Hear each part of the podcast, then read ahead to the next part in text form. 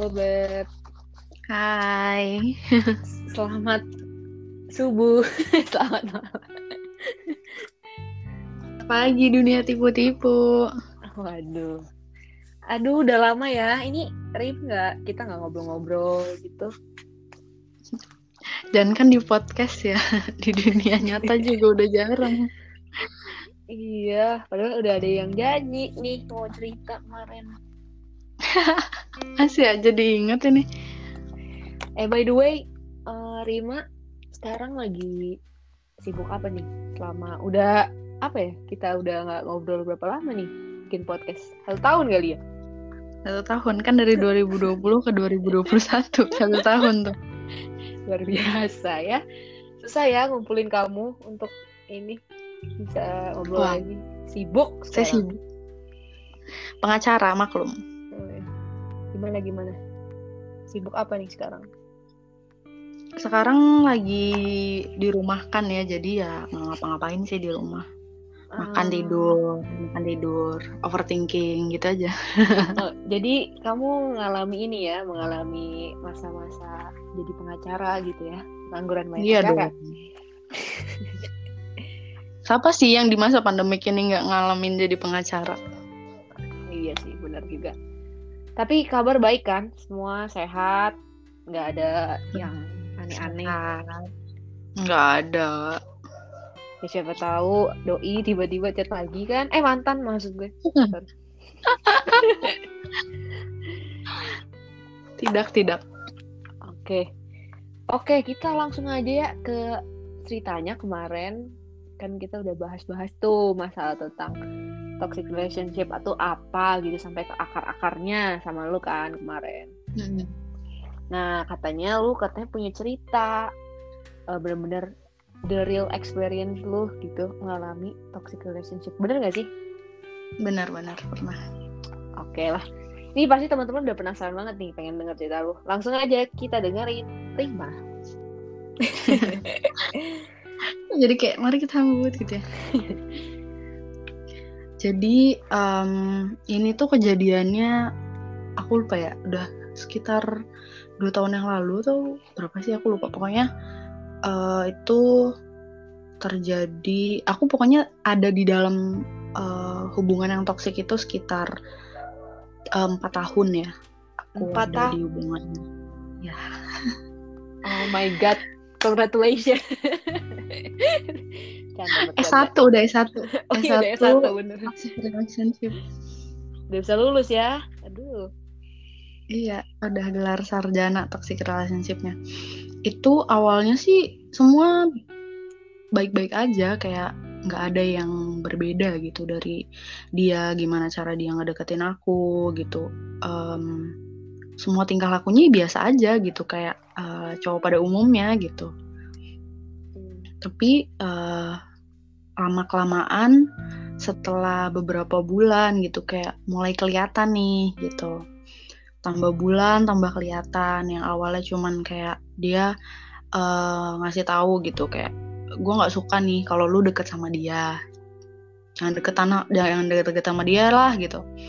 Nah dan kebetulan yang dilarang adalah laki-laki sahabat gue gitu kan. Ya gue sebenarnya orang yang tipe yang eh, ke mana-mana gitu loh jadi kayak gue nggak bisa cuman berdiam diri temenan sama satu orang yang sama gitu jadi gue tuh melebarkan Explore saya gitu ya. pertemanan gitu Mm-mm. Hmm. Nah, dia tuh nggak suka. Ya, menurut gue eh, pada saat itu ya, menurut gue kayak oh ya udahlah, mungkin cemburu kali ya. Yang namanya hubungan tuh pasti ada cemburu-cemburu gitu kan. Ya udah, oke gitu. Gue turutin tuh awal. Gue nggak dekat sama sahabat gue. Akhirnya gue ya curi-curi lah. Pokoknya kalau mau main tuh gue cu- selalu curi-curi waktu. Terus lama kelamaan makin tambah lagi.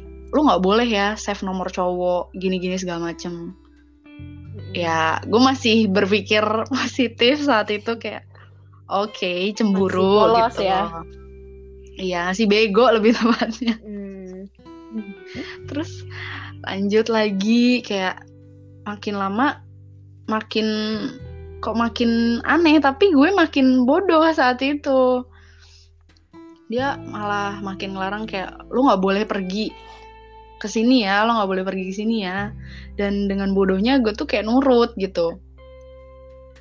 Terus udah itu makin lama makin Hmm. makin parah gitu.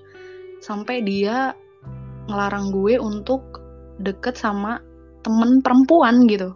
Jadi kayak temen perempuan gue tuh dipilihin buset. Sampai gue tuh kayak gimana ya? Kalau laki-laki itu oke lah menurut gue. Sewajar Cemburu kali ya. gitu. Hmm, wajar kali ya. Karena feelnya pasti beda gitu.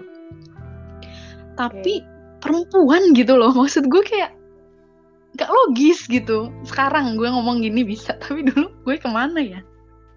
Hmm. terus udah itu setelah itu itu tentang pertemanan ya. Jadi makin lama gue tuh makin gak punya temen.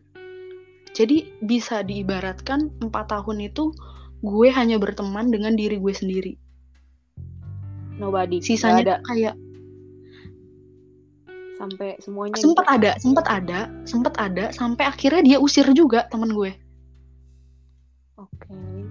Bayangin saat- nggak? Kayak di saat akhirnya lu gue bener-bener kayak di saat Hmm? dia ngusir lu eh dia ngusir teman lu apa yang lu ngomongin ke temen lu? Maksudnya apakah si cowok lu langsung ngejebrak apa ngelabrak dia temen lu itu? Nggak usah telan sama eh, cewek gue lagi atau lu yang menjauhkan diri? Nggak tanpa ngomong apa-apa? Em, beruntungnya teman gue itu paham gitu. Beruntungnya oh peka. dia adalah Iya, dia adalah orang yang selalu gue ceritain tentang masalah gue. Jadi ya gue bilang gitu, gue terus terang ke dia kalau gue dapat masalah ini dan dia kayaknya paham gitu.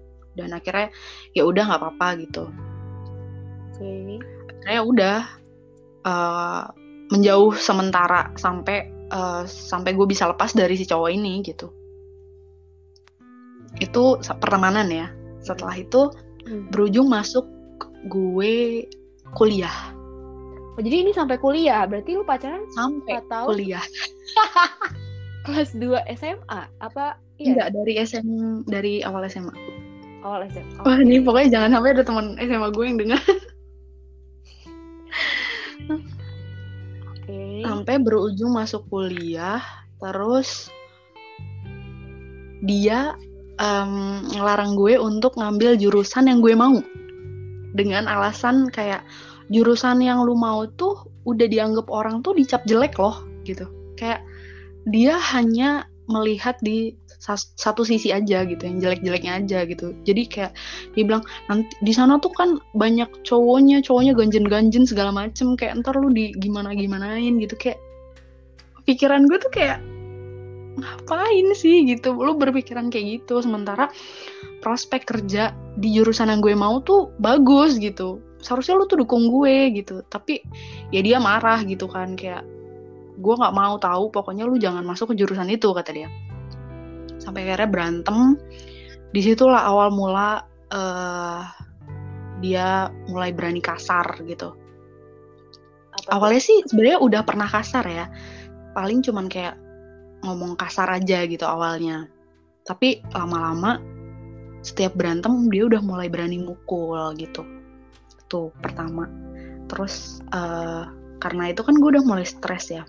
Itu gue udah mulai stres. Kayak gue mencari cara gimana caranya supaya gue eh, eh, putus sama dia gitu. Tapi dia selalu memanipulatif gitu loh. Setelah Example. pokoknya setelah, eh, eh, pokoknya setelah dia dia marahin gue dia akan kayak minta maaf gitu. Kayak maafin gue ya gitu. Nah tapi di situ dia pasti ngeblaming gue dia nyalahin gue setelah dia minta maaf. Jadi gue akan ngerasa kalau iya gue yang salah gitu. Nah itu yang bikin gue kayak nggak bisa putus akhirnya sama dia. Kayak ya udah kira gue bertahan lagi.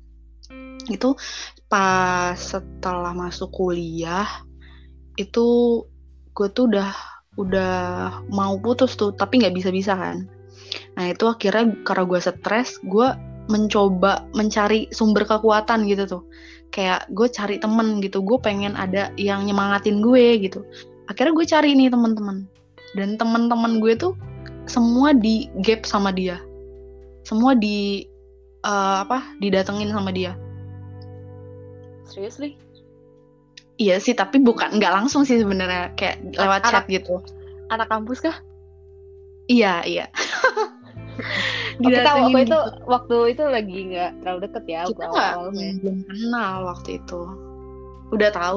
Cuma tahu kayak sama- oh Rima Rima Rima tuh yang eh, agak asik itu ya orangnya gitu-gitu. Padahal saat itu lu mengalami seperti Iya, gitu. There's no one knows about my story sebenarnya. Terus eh karena semua eh dia bisa dia bisa ngegap teman-teman gue tuh gara-gara semua semua akun sosial media gue dia tahu. Sampai WhatsApp gue aja pernah disadap sama dia kayak separah itulah. Dan dia tuh pernah ngapus-ngapusin, ngeblokir-blokirin semua orang yang dia nggak suka sampai gue keluar dari grup teman-teman SMP gue sampai teman-teman SMP gue tuh tahu masalah sampai kayak maksudnya tahu kalau gue punya uh, pasangan yang toksik gitu Oke. karena ya dia uh, mereka bisa lihat lah gitu kok kenapa sih gini-gini gitu terus udah itu pas gue mau uh, PKL keluar kota itu berantem parah banget PKL Karena dia apa bilang-? PKL tuh apa siapa tahu ada yang nggak tahu. kerja lapangan praktek kerja lapangan kan karena di kuliah gue emang harus ada PKL kan? Setiap kuliah pasti PKL nggak sih? Ya kan? Hmm. nah pas mau berangkat PKL itu dia marah gitu. Dia nggak nggak mau kalau gue ke luar kota gitu. Dia maunya di sini aja gitu sama dia. Dia nggak mau gue jauh-jauh dari dia. Padahal tujuan gue emang eh, tujuan utama gue keluar kota tuh biar gue bisa ngehindar dari dia gitu. Capek. Ah, tapi malah ya gitu dia eh, marah sama gue kenapa sih lo malah apa nggak nurut aja sama perkataan gue gitu? Ya gue jelasin gitu kenapa. Karena emang di tempat PKL gue itu gue ngerasa gue akan dapat banyak ilmu gitu. Apalagi jurusan gue adalah jurusan yang eh, gue ambil adalah jurusan yang emang eh, memerlukan eh, bahasa Inggris yang baik gitu kan. Nah jadi gue tuh pengen ke kota itu karena gue pengen ngelatih bahasa Inggris gue gitu. Biar jadi lebih skill ya. Iya, tapi dia malah kayak udah sih ngapain keluar kota gitu. Di situ gue berantem dan di situ berantem ter nggak terparah, ya terparah sih kalau menurut gue. Gue sampai ditarik, gue dipukul, gue ditonjok, gue ditendang. Itu sampai sampai bibir bibir pojoknya. Kalau kita smiling itu kan ada bibir pojok. Nah, bibir pojok gue tuh sobek. Sedikit. Serius. itu udah bener-bener kayak gue udah nangis nangis itu, Itu posisi di mana? Posisi waktu itu? Maksudnya waktu itu di luar apakah di rumah siapa apa di mana gitu? oh gue nggak bisa nyebutin tempatnya Oke. pokoknya eh nggak ada orang di di situ dan gue juga takut ya karena saat itu gue nggak punya seseorang buat diceritain. Jadi gue mau minta pertolongan pun gue takut masih takut Bingung. untuk Iya, bingung mengakui juga ke- ya. Eh, kalau nanti keluarga gue tahu gimana gitu gue masih takut gitu pada saat itu. Jadi gue memilih untuk ya udah gue pasrah aja. Terus udah itu akhirnya em, gue tetap maksa untuk keluar kota. Sampai akhirnya gue beneran keluar kota gue bisa keluar kota. Terus ya di sana gue HP gue tuh rusak. Di sana HP gue tuh rusak. Dan pada saat gue beli HP baru gue nggak kasih tahu dia. Kalau gue beli HP baru. Jadi gue bener-bener ya chattingan apa chattingan? Gue nggak nggak chattingan malah. SMS-an gitu. Gue bilang gue pinjem pinjem HP temen atau siapa gitu. Jadi gue bener-bener kasih kabar ke dianya tuh bener-bener ya semau mau gue akhirnya gitu karena dia juga mau mau gimana dia mau nyamperin ke kota gue gitu kan jauh. Nggak bisa. Jadi ya di sana gue sedikit lega lah gitu. Sampai akhirnya balik lagi balik ke balik lagi ke kota kita. Setelah balik itu dia marah-marah ke gue. Katanya lu tuh di sana udah BHP baru kan? Lu kenapa ngomongin gue? Lu tuh di sana jadi gini.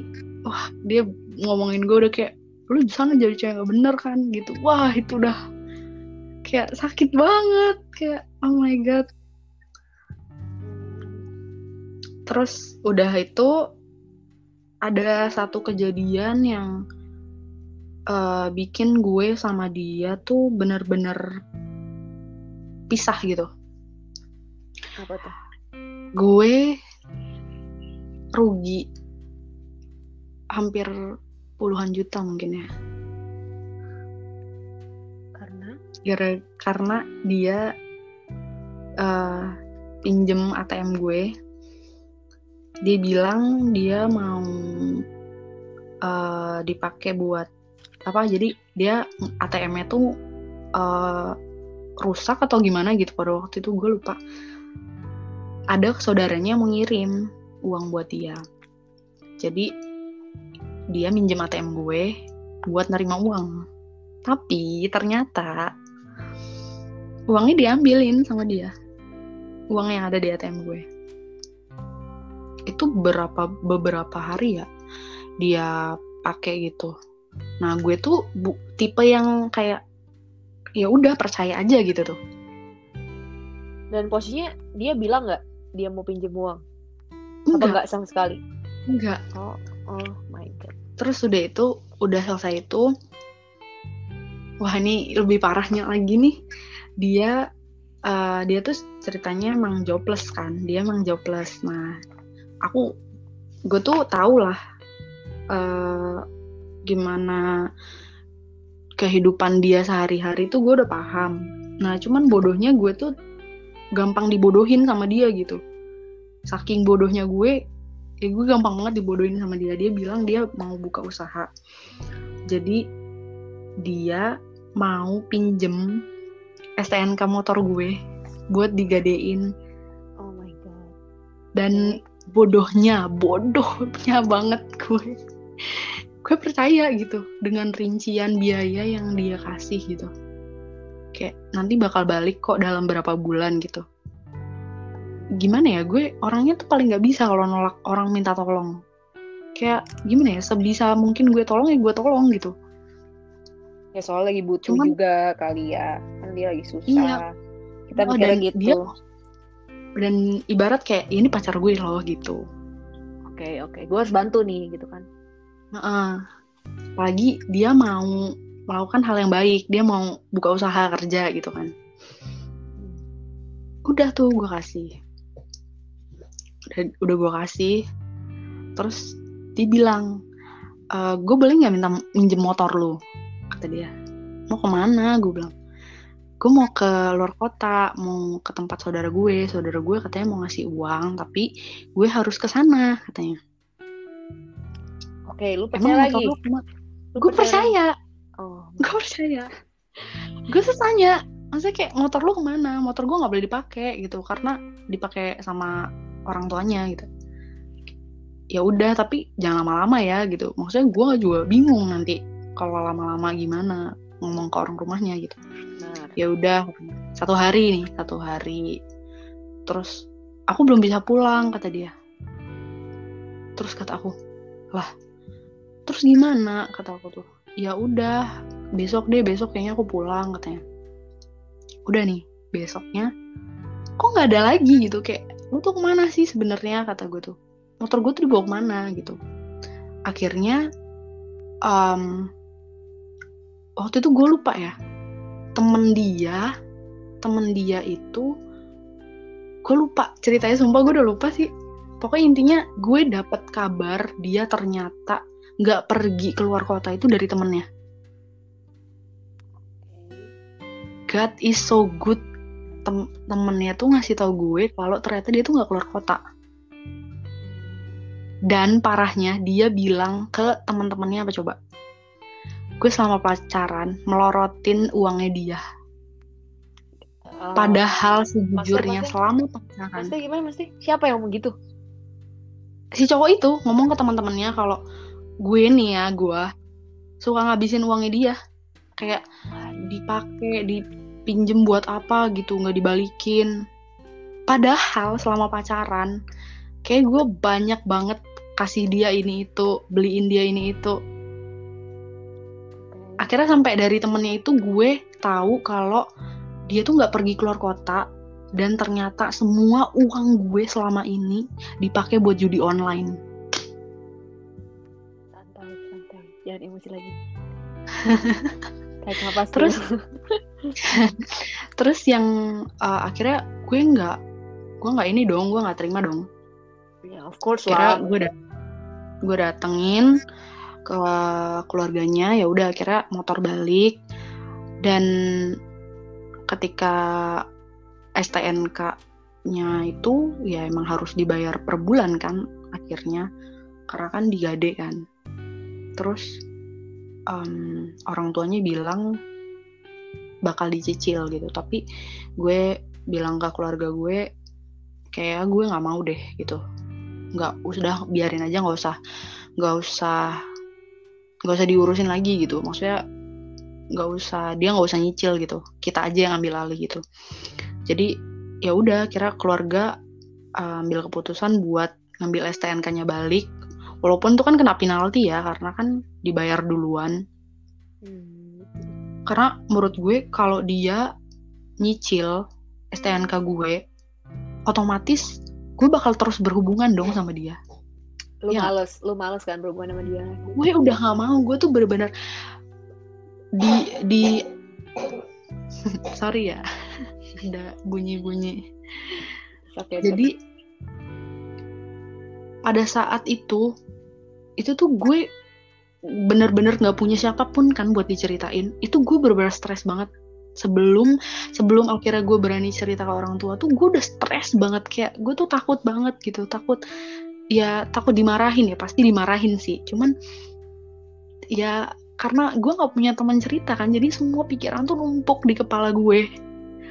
Akhirnya gue tuh cuma nangis di pojokan. Gue kayak gue nggak tahu lagi harus apa. Kayak boleh nggak sih gue mati aja gitu kayak biar selesai gini terserah deh dia mau ngambil har mau mau apa terserah deh.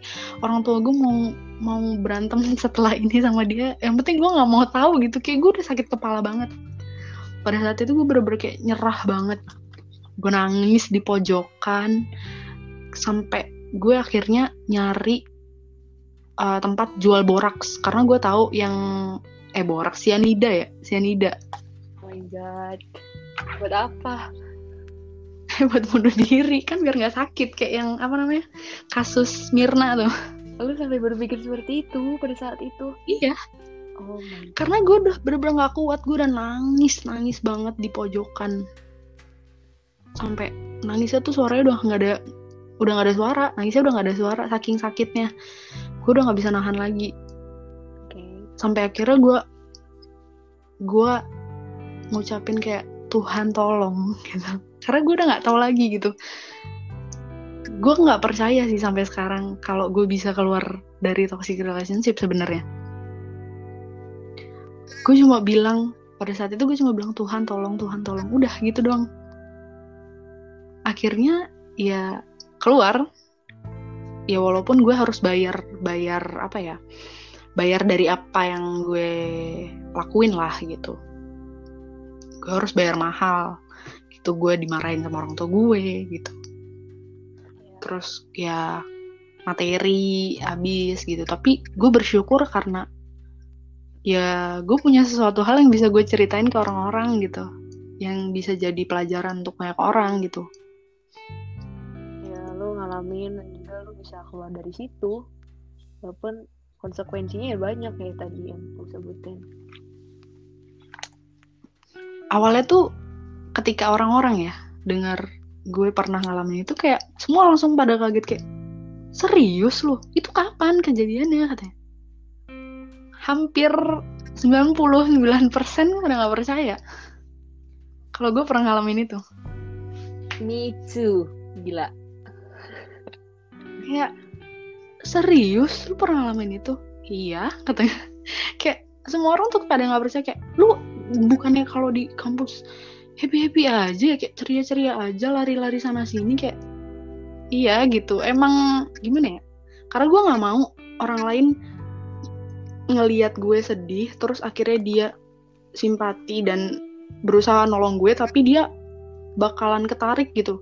Bakalan uh, jadi sasaran empuk sama pasangan gue gitu. Gue nggak mau gitu gue kasihan sama teman gue sendiri jadinya Tapi nanti. gue inget lagi waktu awal-awal kuliah kan kita kayak pernah pas-pasan gitu kan. Terus gue lihat lu tuh sebenarnya emang lu nggak bisa nutupin itu sih. Maksudnya lu nutupin itu di depan semua orang. Tapi gue inget momen di mana ketika lu megang HP lu terus lu tiba-tiba tuh muka lu tuh bener-bener jujur aja jelek banget sumpah. Kayak bete banget gitu loh ngerti gak sih? Tapi after, after that maksudnya ya jelek kayak banget. sebel gitu-gitu. Tapi after that tuh kayak sih kita ngomong gitu eh gini gini gini gini. Lu tuh selalu bisa kayak senyum lagi gitu. Itu yang kayak gue hebat sih gila. Gue aja nggak bisa kayak gitu. Kalau gue lagi ada masalah even sama cowok gue sama teman gue pasti gue bisa tunjukin ke orang-orang gitu dan nggak bisa nutupin diri gue untuk eh gue masih tetap happy nih. Kayak susah banget for me. Tapi lu keren sih gila gila iya itu sih yang gue gak paham gitu. Kayak gue bisa changing secepat itu gitu. Even sekarang ya even tadi tadi siang ya lu bilang kok gue happy banget? Gitu. Sebenarnya enggak gue lagi nggak baik-baik aja sebenarnya. Cuman gue nggak tahu kenapa bawaannya kalau gue ketemu orang ya gue ngerasa happy gitu. Beda sama gue kalau lagi ngerasa sendiri ah udah ya deh kita. itu Iya, mellow. kayak gitu. Parah sih iya pokoknya orang-orang yang masih melek di jam segini adalah di Orang-orang sini yang lagi udah overthinking. jam satu ya guys.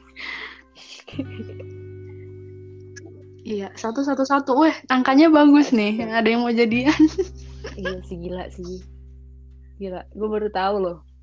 Lu kemarin cuma bilangnya kayak eh gue pengen cerita tentang ini. Cuma udah gitu doang gitu. Kayak gue penasaran. Gila nggak sih? Penasaran sampai satu tahun. Gila nggak dia PHP-in gue banget nih si Rima guys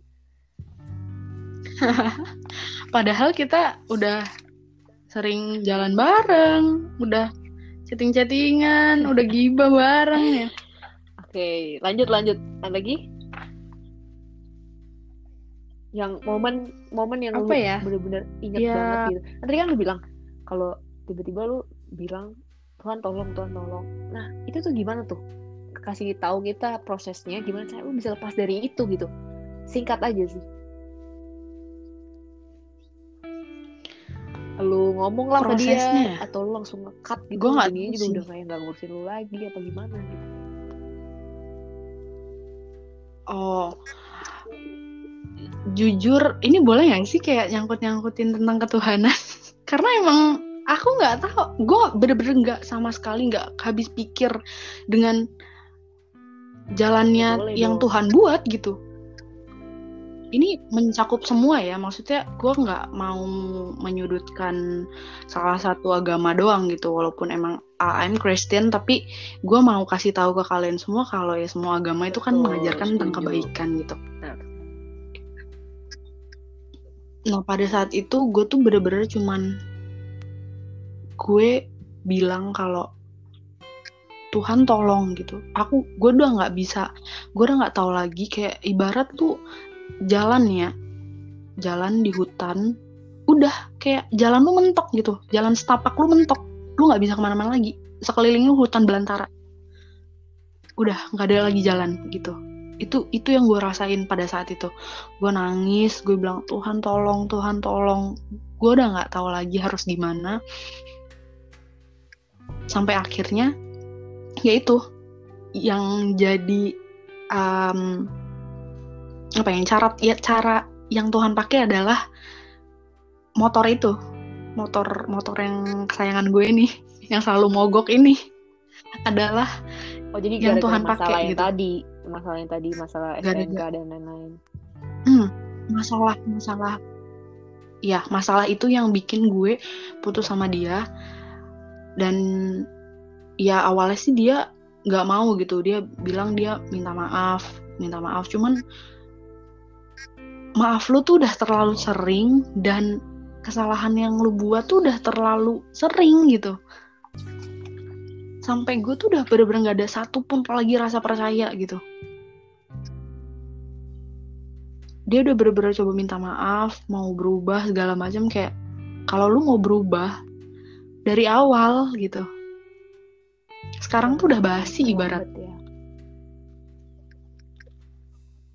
iya udah udah terlalu terlambat untuk untuk bilang maaf tuh udah ya walaupun sampai sekarang sih emang gue nggak benci jujur ya Lu gak benci sama dia? gue nggak benci sama sekali Kalau ket- kalau ketemu mukanya? nggak sama mukanya. sekali gue lebih ketakut sih bukan benci jujur gue gue nggak tahu kenapa gue nggak nggak per nggak benci gitu Maksud- maksudnya takutnya kenapa tuh takutnya? atau tapi emang Trauma, oke. Trauma Jadi- lah pasti.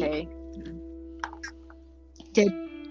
jadi gini setelah setelah itu setelah itu kan dia masih dia mencoba loh dia mencoba lagi menghubungi gue terus kata temennya dia eh blokir aja nomornya kalau enggak lu ganti nomor.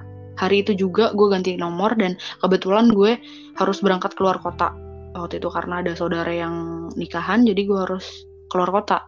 Akhirnya gue ganti nomor dan ya udah dia nggak bisa ganggu gue lagi sampai sekarang. Sosmed gue pun pokoknya kalau gue setelah itu ya gue mencari-cari semua sos- sosmed dia terus gue blokir. Jadi dia nggak bisa reach gue gitu. Dan gue pun bikin akun baru dan segala macemnya gitu sampai gue bener-bener mau menghilang lah dari dia gitu.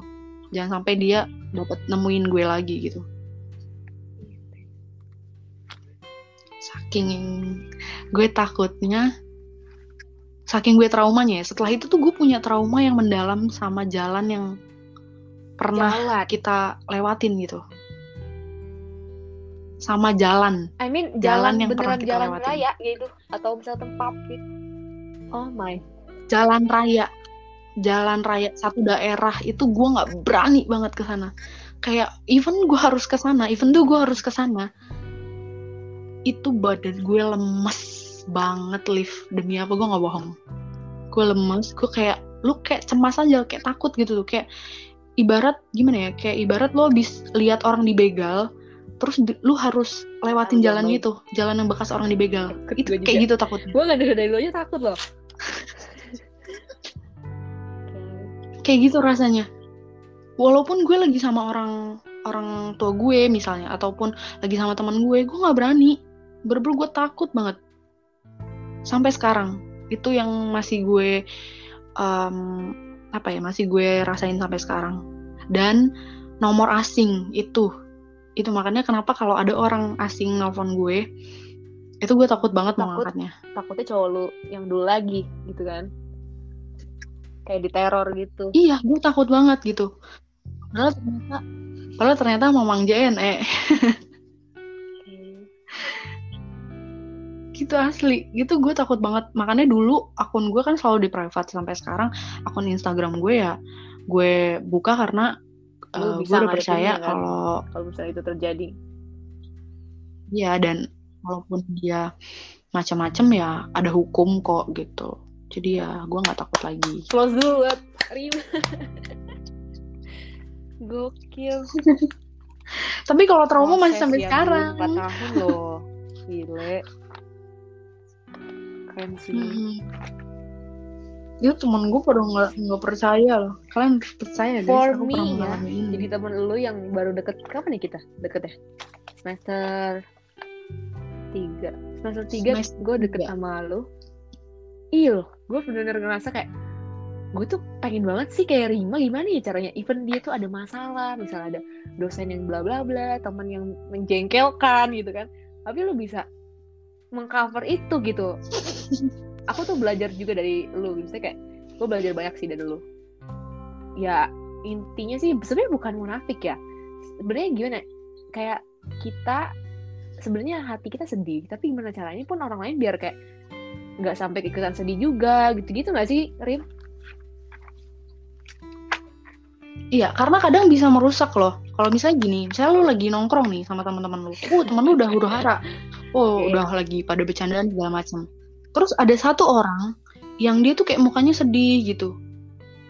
Kayak, lu kenapa? Enggak kok, nggak apa-apa. Tapi dia tetap sedih. Oh, Itu ngerusak suasana loh. Ngerusak suasana mau nemen itu ya nggak sih? Nah, itu.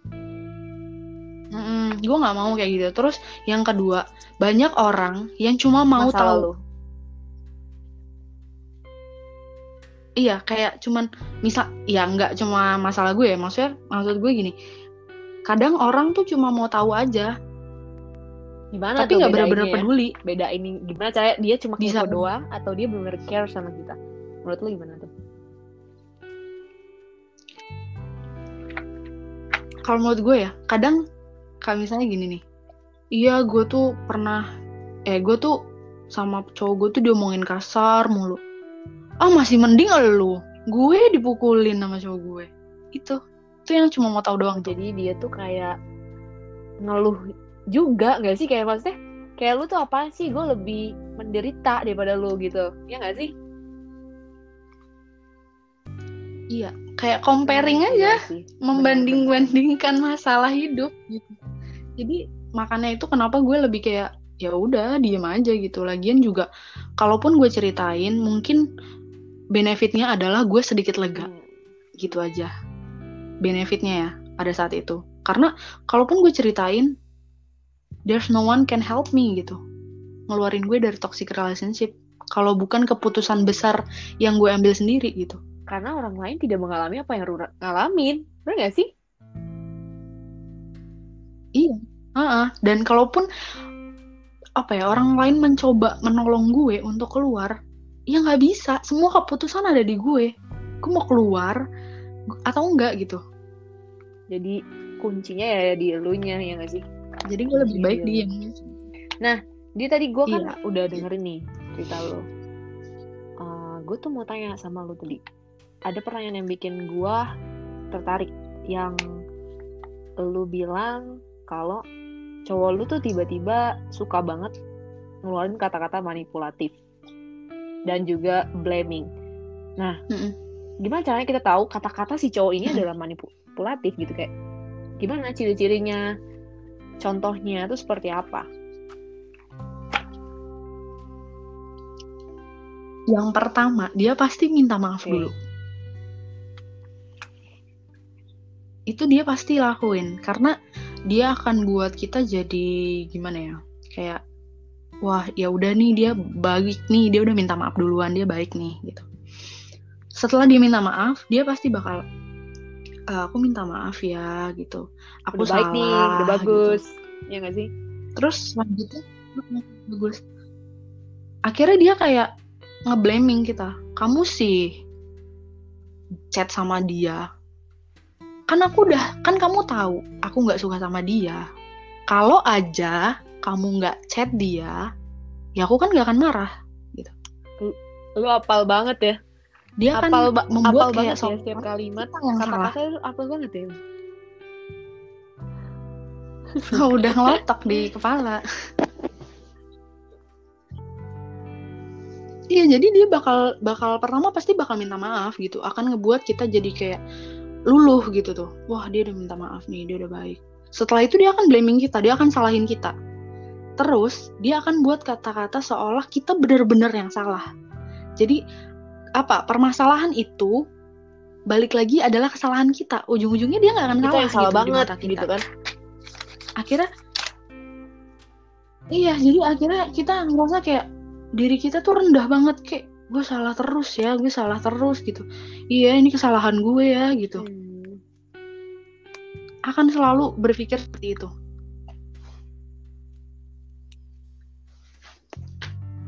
sampai akhirnya mau putus juga kayak kalau gue nyalahin dia tapi kalau dipikir-pikir lagi iya kan gue yang salah gitu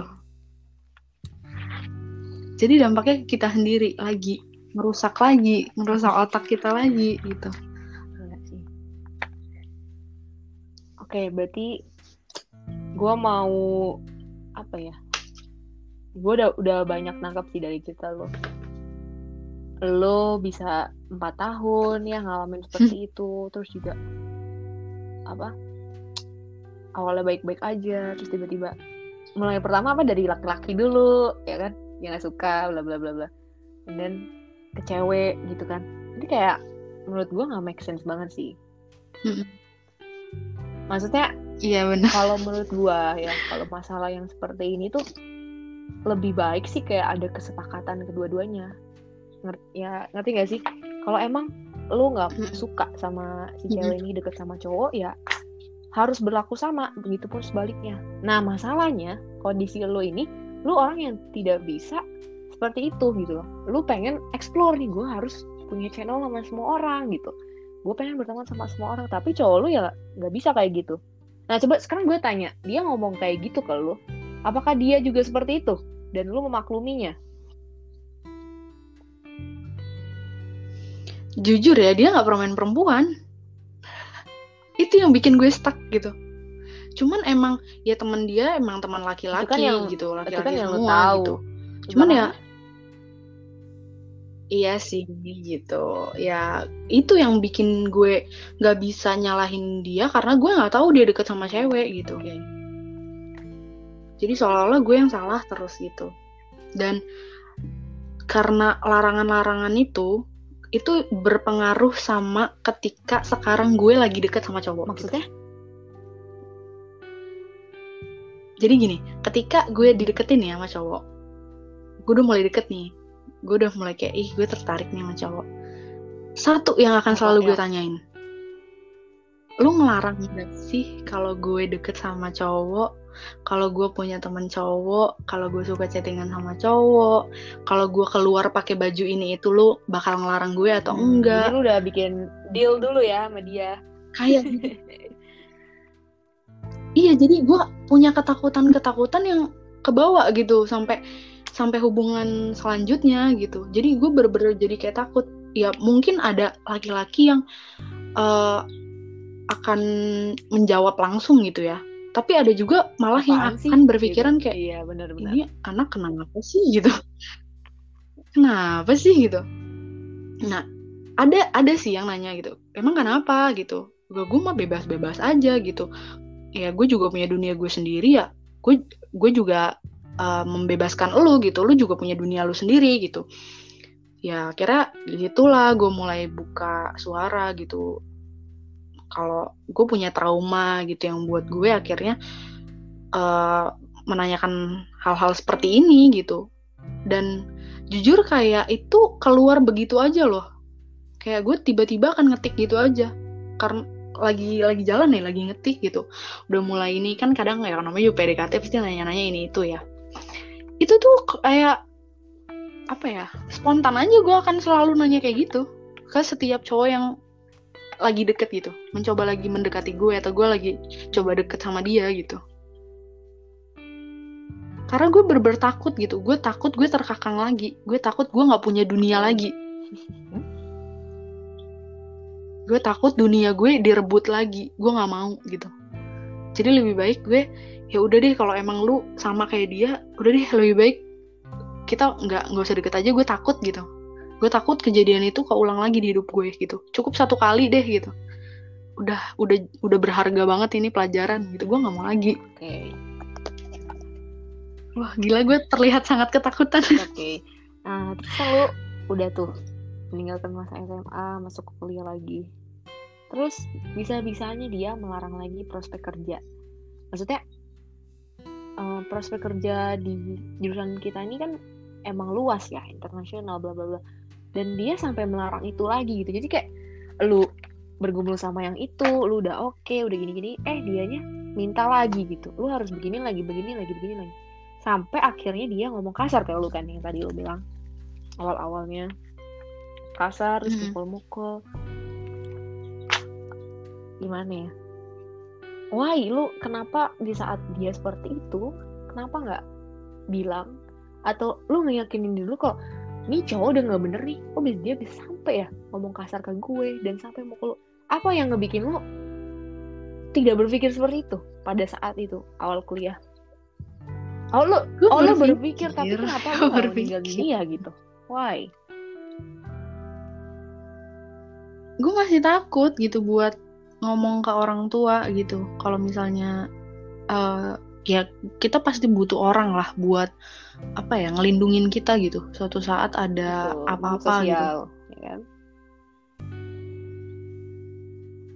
even itu keluarga ataupun teman kita pasti butuh. Cuman gue tuh mas waktu itu masih bener-bener masih takut banget buat cerita gitu. Sam, sa- sama sekali lu teman juga nggak ada yang tua, diceritain sedalam-dalamnya.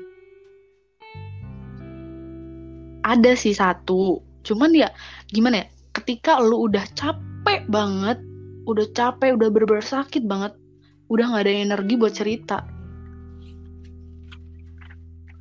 Sampai gue tuh cuma bilang ke teman gue itu doain gue ya. Udah cuma gitu doang. Saking gue pasrahnya saking gue udah capeknya udah sakit banget. Gue cuma bilang sama dia doain gue ya gitu. Gue udah nggak bisa ngomong apa-apa lagi. Waktu kapan juga gue pernah diceritain gitu kan. Ada temen yang gue sampai dalam hati gue kayak awalnya ya gue ngerasa kalau misalnya setiap ada orang yang sudah seperti ini dan minta didengerin gitu gue ngerasa kayak dia tuh bodoh banget sih gitu ngerti gak sih? Kayak lu tuh kenapa sih bodoh banget? Gini gini gini. Mm-mm. tapi setelah gue beranjak dewasa semakin gue nggak selalu ngelihat satu sisi doang. Gue ngelihat dari sisi gue gue harus lihat nih sisi elunya gimana? Orang yang ngejalannya gimana? Gitu. Jadi gue berpikir kalau ya lu nggak tahu gimana dia gitu loh. Jadi ya udah kita harus bisa tetap respect sama dia yang penting kita semangatin dia gitu. Nah ini nih banyak banget kan teman-teman yang suka Mm-mm. apa ya kalau diceritain temennya udah tahu nih aib temennya terus tiba-tiba ya disakitin kayak gitu-gitu. Ada nggak lu eh, temen yang seperti itu yang yang gimana? lu pengen pengen banget cerita ke orang gitu kan. Ada dia nih tapi dia tuh kayak malah ngerendahin lu lagi malah bikin lu terpuruk lagi. Ada nggak di saat-saat lu seperti itu selama 4 tahun?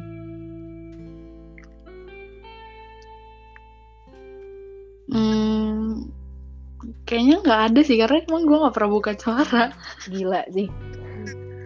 Kalau Gue tuh kalau gue ya kalau gue kalau misalnya ya apa gue berantem tuh minimal ya satu orang gitu harus tahu cerita gue karena tipe orangnya nggak bisa buat mendem gitu. Oke lah Sat- satu kali dua kali dipendam-pendam lama-lama ya aku harus cerita gitu. Karena nggak bisa gitu kayak dipendam terus gitu. Bisa gila aku lama-lama.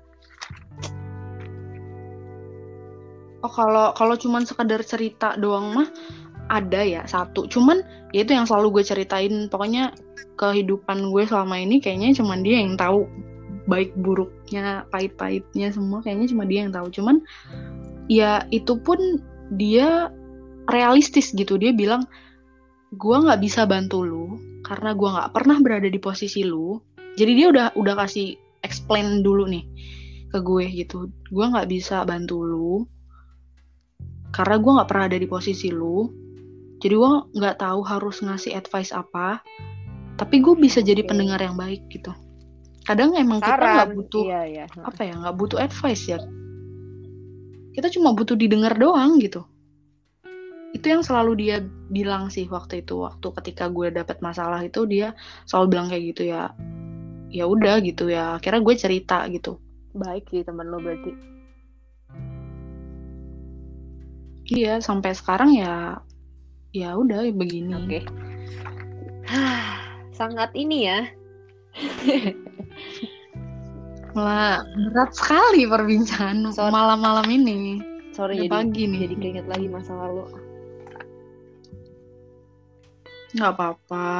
Emang harus disuarakan sebenarnya. Biar orang-orang tuh tahu gitu. Kadang ada orang ya yang nggak ngerti tentang toxic relationship gitu kan kayak ya dia dia sebenarnya udah masuk dalam toxic relationship tapi dia nggak tahu gitu dia nggak sadar kayak misalnya em, lu jangan pakai baju ini ya. Lu jangan pakai baju itu ya. Itu sebenarnya eh, kalau si cowoknya bilang kayak gitu terus ceweknya nggak terima atau misalnya nggak nyaman dengan apa ya kenapa sih kok harus gue diatur atur orang mak bapak gue juga biasa aja gitu? Nggak yang gimana gimana nggak ngelarang gue gitu. Itu udah termasuk toksik loh. kecil itu ya iya karena kalau begitu tuh harus ada konsen harus ada Iya, kesepakatan antara salah sa- antara pihak cowok dan pihak ceweknya gitu. Kayak misalnya eh pegang akun sosmed gitu. Instagram kayak gitu ya Itu harus ada konsen. Iya, itu harus ada konsen loh. Kalau dipaksa, ya itu namanya udah bukan udah bukan cinta ya, pemaksaan tuh namanya. Kalau salah satu ya, ya udah, yang aku mau, aku mau kok kamu pegang akun aku, sok aja gitu. Ya kalau emang udah kesepakatan dua-duanya saling apa ya, saling nyaman dengan apa yang dilakuin itu ya go ahead gitu. Tapi kalau misalnya salah satunya nggak nggak terima dan nggak mau, ya hargai gitu privasi pasangan kamu. gitu. lagi ke orangnya nggak Jangan sih malah di iya jangan. Sih, bener. Jadi karena hubungan itu kan tentang dua orang ya. Kalau nggak ada saling, namanya Asik. ya sendirian dong. Iya sih, bener sih kayak ya gue sedikit curhat juga ya maksudnya. Ya mungkin gue juga belum pernah kayak pacaran yang bener-bener real pacaran gitu. Maksudnya pacaran kan baru sekarang-sekarang ini gitu ya. Beneran pacaran yang bukan cuma chat doang, ngeri gak sih? Even ketemu cuman ketemu, hai, gitu doang kan kayak gitu kan. Gue juga bener-bener beradaptasi banget. Lu bayangin aja gue itu anak sulung banget kayak nggak pernah diomongin siapa pun even orang tua gue aja gue kadang suka ya bandel-bandel gitu nggak pernah dengerin dan lain-lain eh tiba-tiba tiba-tiba gue dapet cowok yang mendidik gue ngerti nggak ya gue curhat lah ya everyone pasti tahu cowok gue siapa. Mm-mm. tapi gue balik lagi kayak oh maksud dia tuh seperti ini loh. Kenapa dia melarang gue kayak misalnya yang tadi lu bilang masalah baju lah ini itu. Cuman sekarang ini gue lagi proses sama dia untuk kayak eh iya dan kayak kita udah kayak Dealing ya? mulai gimana ya mengikuti gitu loh. Maksudnya harus ada kesepakatan bener itu. Kalau misalnya salah satu kayak ya gue nggak bisa kayak gini gini ya udah putus aja kalau di gue seperti itu. Nggak Iya, soalnya masalah. kayak maksudnya hey men, cowok tuh banyak banget gitu. Dan kita tuh cewek jangan selalu bergantung gue tuh cuma sa- satu sama dia doang udah nggak bisa sama yang lain no. Dan menurut gue waktu pas beradaptasi dengan itu awalnya emang sulit. Tapi dia aja bisa kayak gitu ke aku dan aku gituin dia dia nggak apa-apa gitu. Maksudnya ya harusnya ya itu harus saling apa harus saling ada kesepakatan terus juga jangan sampai ada salah satu yang dirugikan gitu. Merasa kayak nggak adil bla bla bla bla. Itu sih kalau menurut aku. Jadi mau pacaran sebucin apa pun nih kalian para para bucin kalau emang kalian udah sepakatin ya nggak usah dengerin omongan orang ngerti gak sih? Karena ini hidup lu gitu. Kalau lu yang dirugiin Iya. lu ngerasa nggak suka kalau dibucinin atau terlalu dia cuek ya cari dong yang sesuai sama yang lu mau dan sesuai sama eh, apa bisa menerima lu juga bener nggak Rim Mm-mm. Mm. Cowok berserak di bumi, jangan kayak orang Oke, susah ya. gue udah banyak banget dapat dari lu ceritanya sangat sedikit tersentuh dan gue juga agak nggak nyangka ya diri lu bisa survive sih selama empat tahun. Tapi ya bukan diri lu doang sih, ada Tuhan juga di samping lo. Iya, betul. Gue ngambil kesimpulan dari semua cerita lu kalau Tuhan itu benar-benar baik banget sama lu. Kenapa Tuhan kasih Kenapa Tuhan kasih Baik banget. masalah yang menurut gue ini sangat besar dan rumit karena gue mau, dia mau tunjukin kalau ini loh Rim Eh, apa Kuasa Iya, gue tuh juga, besar loh gitu. kalau lu nggak tahu ada cowok seperti ini lu bakal suatu saat mungkin akan terjadi gitu jadi secepat mungkin Tuhan kasih seperti ini mungkin who knows bener nggak gila sih Mm. Nah. ada lagu yang bikin bikin bikin gue selalu inget sama kejadian Lagunya ini. ada Selalu. Eh, gue lupa sih judulnya, tapi liriknya ya apa ya? Mungkin lu bisa bantu Liv. Ku ada sampai hari ini. udah gak tahu coba lu nyanyiin deh gue kan bukan GBI ya gue GKI. Oh iya, bentar gue cari dulu ya liriknya. Itu kata-kata yang bikin gue selalu inget sama eh, kalau kita bilang kasih Tuhan ya. sebenarnya nggak apa-apa tahu gengs untuk kayak nggak apa ya untuk menyertakan Tuhan di hidup kalian gak usah takut dibilang ah sok suci loh gini-gini tapi ya itu the real life lu kayak gitu ya nggak sih Rim? Mm-mm, bener. Gue aja nggak nyangka loh kalau gue bisa keluar dari toxic relationship itu bener-bener gak kepikiran gitu. Kayak setelah setelah bertahun-tahun akhirnya gue kayak wow gila Tuhan gue keren banget gitu gue bisa dikeluarin dari masalah Rumit. yang rumit banget sih gue sendiri gue sendiri nggak nggak nggak tahu kalau ada jalan keluarnya. Gue ngerasa udah nggak ada jalan keluar soalnya. Tapi Tuhan gue bener-bener amazing. Seinget lu seinget lu aja deh kata katanya gimana Oh, ya. gitu. Oh ini. Oleh karena kemurahan Tuhan ku ada sampai hari ini. Itu sumpah. Satu bait dong satu itu selalu bikin gue kayak ah nggak mau. Sama ada lagi yang tentang aduh gue lupa deh nanti deh next deh kalau Iya. kita bikin ini lagi. Kita ngobrolin tentang ketuhanan yang maha ya esa. guys soalnya Rima nih sibuk banget guys nah kamu pengacara Oke, jadi banyak banget yang gue juga nggak tahu, gue jadi tahu, terus juga gue yang nggak pernah ngalamin. Gue bener-bener bersyukur banget lo bisa cerita gini gitu kan. Dan pastinya juga teman-teman pasti apa ya, mungkin ada yang di saat kayak gini ngalamin hal yang sama atau mungkin lebih parah atau mungkin akan menuju ke sana. Nah, for you, can you give eh, apa ya kayak motivasi untuk kalian mereka-mereka yang belum bisa keluar dari toxic relationship atau misalnya yang masih nggak tahu toxic relationship itu apa. Jadi lu bisa ngasih sampein lah ke mereka yang ngedenger ini. Yang nggak tahu toxic relationship itu apa boleh dengerin ya, podcastnya ya biar tahu apa sih toxic itu gitu tanda-tandanya. Gitu. Terus em, untuk keluar dari toxic relationship itu kan nggak mudah ya. Caranya juga ada di podcast bisa Pokoknya aja didengerin. ke Spotify yang ada podcast kita lah yang ada kita berdua.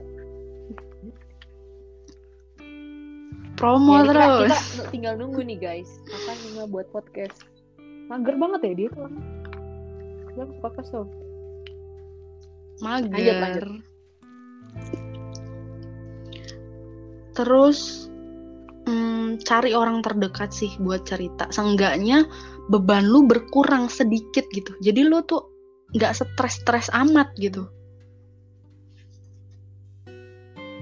Terus berani ambil keputusan besar ketika lo udah berani ambil keputusan besar ya jangan tanggung-tanggung gitu buat keluar gitu. Dan yang terakhir ya pasti minta bantuan sama Tuhan gitu. Karena lu nggak akan pernah bisa berjalan sendiri lu nggak akan pernah bisa menyelesaikan masalah lu sendiri gitu. Dan doa sih doa doa terus. Karena beneran itu kekuatan doa tuh wah gue nggak bisa jelasin sih bener-bener amazed banget. Kayak kalau bil- dibilang itu mukjizat dan sebuah keajaiban yes itu mukjizat yang gue alamin di hidup gue sendiri. Gitu sih.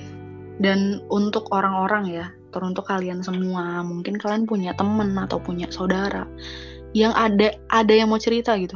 Dengerin aja dengerin aja karena setiap cerita itu punya pembelajarannya masing-masing punya pembelajarannya beda-beda gitu. Mungkin emang lu nggak butuh pembelajaran itu pada saat itu. Tapi nanti ketika ada orang lain yang cerita lagi ke lu dengan masalah yang sama lu bisa bantu loh gitu. Jadi mungkin nggak ngefek ke lu hari ini tapi mungkin ngefek ke lu di masa yang mendatang gitu jadi kalau ada yang mau cerita sama lu ya dengerin aja gitu setidaknya lu jadi pendengar yang baik aja walaupun lo nggak bisa kasih dia saran atau nggak bisa bantu dia itu udah cukup untuk mengurangi beban dia Iya, Singkat, pada saat itu padat dan Gitu. jelas ya. oh gue gue gue inget nih ada satu lagi lagu yang benar-benar memberkati itu kata-kata bait dua bait dua bait pertamanya itu bener-bener gue banget gitu. Bapak engkau mengenalku lebih dari Aduh. siapa pun. Engkau tahu ceritaku dan isi hatiku. Tak peduli masa lalu engkau tetap memilihku. Ubahkanku sempurnakan jadi karya yang indah. Wah Gue itu gue banget. Kayak Gue tahu, gue tahu, gue tahu. Coba coba lu nyanyi sedikit dong. Sedikit aja. Eh, gue tahu, gue tahu, gue sama. Satu, dua, tiga. Oh, Bapak engkau engkau apa ya mengenalku ya? Mengenalku lebih dari siapa pun engkau tahu ceritaku dan isi hatiku tak peduli masa lalu. Engkau tetap memilihku. Ubahkanku sempurnakan. Jadi karya yang indah. Ah gue rasanya kalau udah kayak gitu gue pengen aduh pengen teriak gue rasanya pengen bilang ayo ampun Tuhan tuh baik banget Oke, bagus ya suaranya ya. Kasih nilai berapa guys? hmm, boleh nih ada yang mau recording aku gak Oke, banyak banget ya cerita yang kita bisa ambil yang baik-baiknya, jangan ambil yang buruk-buruknya. Tapi di sini si Rima apa ya? Pengen kita semua pastinya nggak mau gitu ya keulang lagi kejadian yang pernah lu alamin, bener gak sih? Iya, gue nggak mau banget ada orang yang ngalamin kayak gue. Dan oh ya, sekali lagi gue ingetin buat kalian yang mungkin mungkin kalian nggak punya tempat cerita atau mungkin cuma mau sekedar apa ya nanya-nanya hal nggak penting dan kalian nggak punya nggak punya arah gitu buat ngobrol sama siapa udah ngobrol sama gue ayo gue jabanin gitu. Mau masalah apa sih? Gue jabanin. Karena gue tahu rasanya nggak punya tempat Tapi, gitu. Jujur ya Rim, kayak sebenarnya tuh ya kalau misalnya gue upload podcast dan lain-lain tuh banyak banget yang sebenarnya ngalamin eh gue juga seperti ini loh gue tapi mereka tuh kayak sungkan untuk cerita gitu. Kayak masih takut untuk cerita. Ini beneran loh di gue juga kayak gitu. Sumpah. Ya Oh, maksudnya gue nggak pernah ketemu mereka tapi mereka dengar cerita-cerita gue lu dan lain-lain itu mereka tuh ngalamin hal yang sama malah kayak mungkin lebih tapi mereka nggak mau untuk cerita ya lebih parah ayo dong ajak ajak ajak ajak Ayo dulu. dong, cerita. Cerita guys, cerita. Karena asli ya, em, ketika lo cerita itu tuh kayak lo ngeluarin emosi lo gitu. Ngeluarin ya, sebagian besar, eh sebagian besar, sebagian kecil dari beban lo gitu. Seenggaknya berkurang lah sedikit gitu. Jangan pernah takut. Gue bukan ember Benar, bolong, ember pecah yang bisa bocor gitu karena gue tahu gue pernah berada di posisi kalian gitu walaupun mungkin ada yang jauh lebih parah daripada gue tapi seenggaknya ya kita udah pernah berada di satu situasi yang sama Yes, gitu that's right jadi jangan pernah takut cerita ke gue mungkin atau ke Livia gitu. Cerita cerita aja guys. Kalaupun em, mungkin cuma minta didoain gue bakal berdoa kok buat kalian semua Betul, gitu kalau mau. Iya sih, sometimes, sometimes tuh kayak gitu ya orang-orang. Masih pada takut, masih pada ini. Oh ya, by the way, eh ya benar yang kata Rima bilang, kayak kita nggak akan umbar rahasia kalian gitu. Jadi kemarin tuh ada salah satu yang cerita ke gua, yang udah sempat gua juga share podcastnya, eh yang sampainya juga Hmm. tentang toxic relationship dan oh my god dia udah nikah sekarang. Jadi kayak gue ngerasa gue ngerasa kayak Oh, oh dia cerita ke gue gitu tuh dan dia ngasih cerita dan lain-lain perjuangan dia untuk bisa memaafkan orang itu dan lain-lain dan akhirnya dia udah nikah sekarang gue bener-bener seneng banget banget banget sumpah tunggu gue nikah. ya pokoknya intinya kalau kalian cerita kita bakal keep banget sih bahkan kalau misalnya ada yang nggak mau dikasih tahu namanya itu it's okay bener-bener apa ya nggak apa-apa banget gitu kalau misalnya mau di share tapi nggak mau tahu namanya no name gitu bisa banget Privacy is number one ya. Kalau udah cerita-cerita tentang hal-hal yang pribadi kayak gitu. Sometimes kalian harus tahu kalau cerita kayak gini tuh bisa jadi berkat lo buat orang lain bener gak sih Iya benar. jadi pahala bener juga, banget. gitu kan apalagi kita bisa memotivasi orang oke udah 65 menit kita berbincang-bincang manja 65 menit di gue udah satu 65 jam. menit satu jam lebih 5 menit sayangku Oh iya. bunda ya pokoknya kita banyak ya dapat pelajaran hari ini. Pesannya juga udah disampaikan dari lima kita sama-sama semangat ya untuk kalau ada di posisi yang sama atau mungkin apa pun lah yang kalian alamin itu kita sama-sama bisa lebih maju lagi lebih berani lagi untuk speak up dan lain-lain. Karena kita harus cinta diri kita sendiri daripada orang lain gitu. Maksudnya kita harus cinta diri kita sendiri dulu gitu baru ke orang lain. Benar nggak sih oke Nah, benar. ya udah gitu aja thank you banget terima udah cerita baik banget sih sorry ganggu bisa bisa bisa Iya, lanjut nih, makasih, sama-sama. Oh iya tadi ya bilang pengen makan mie.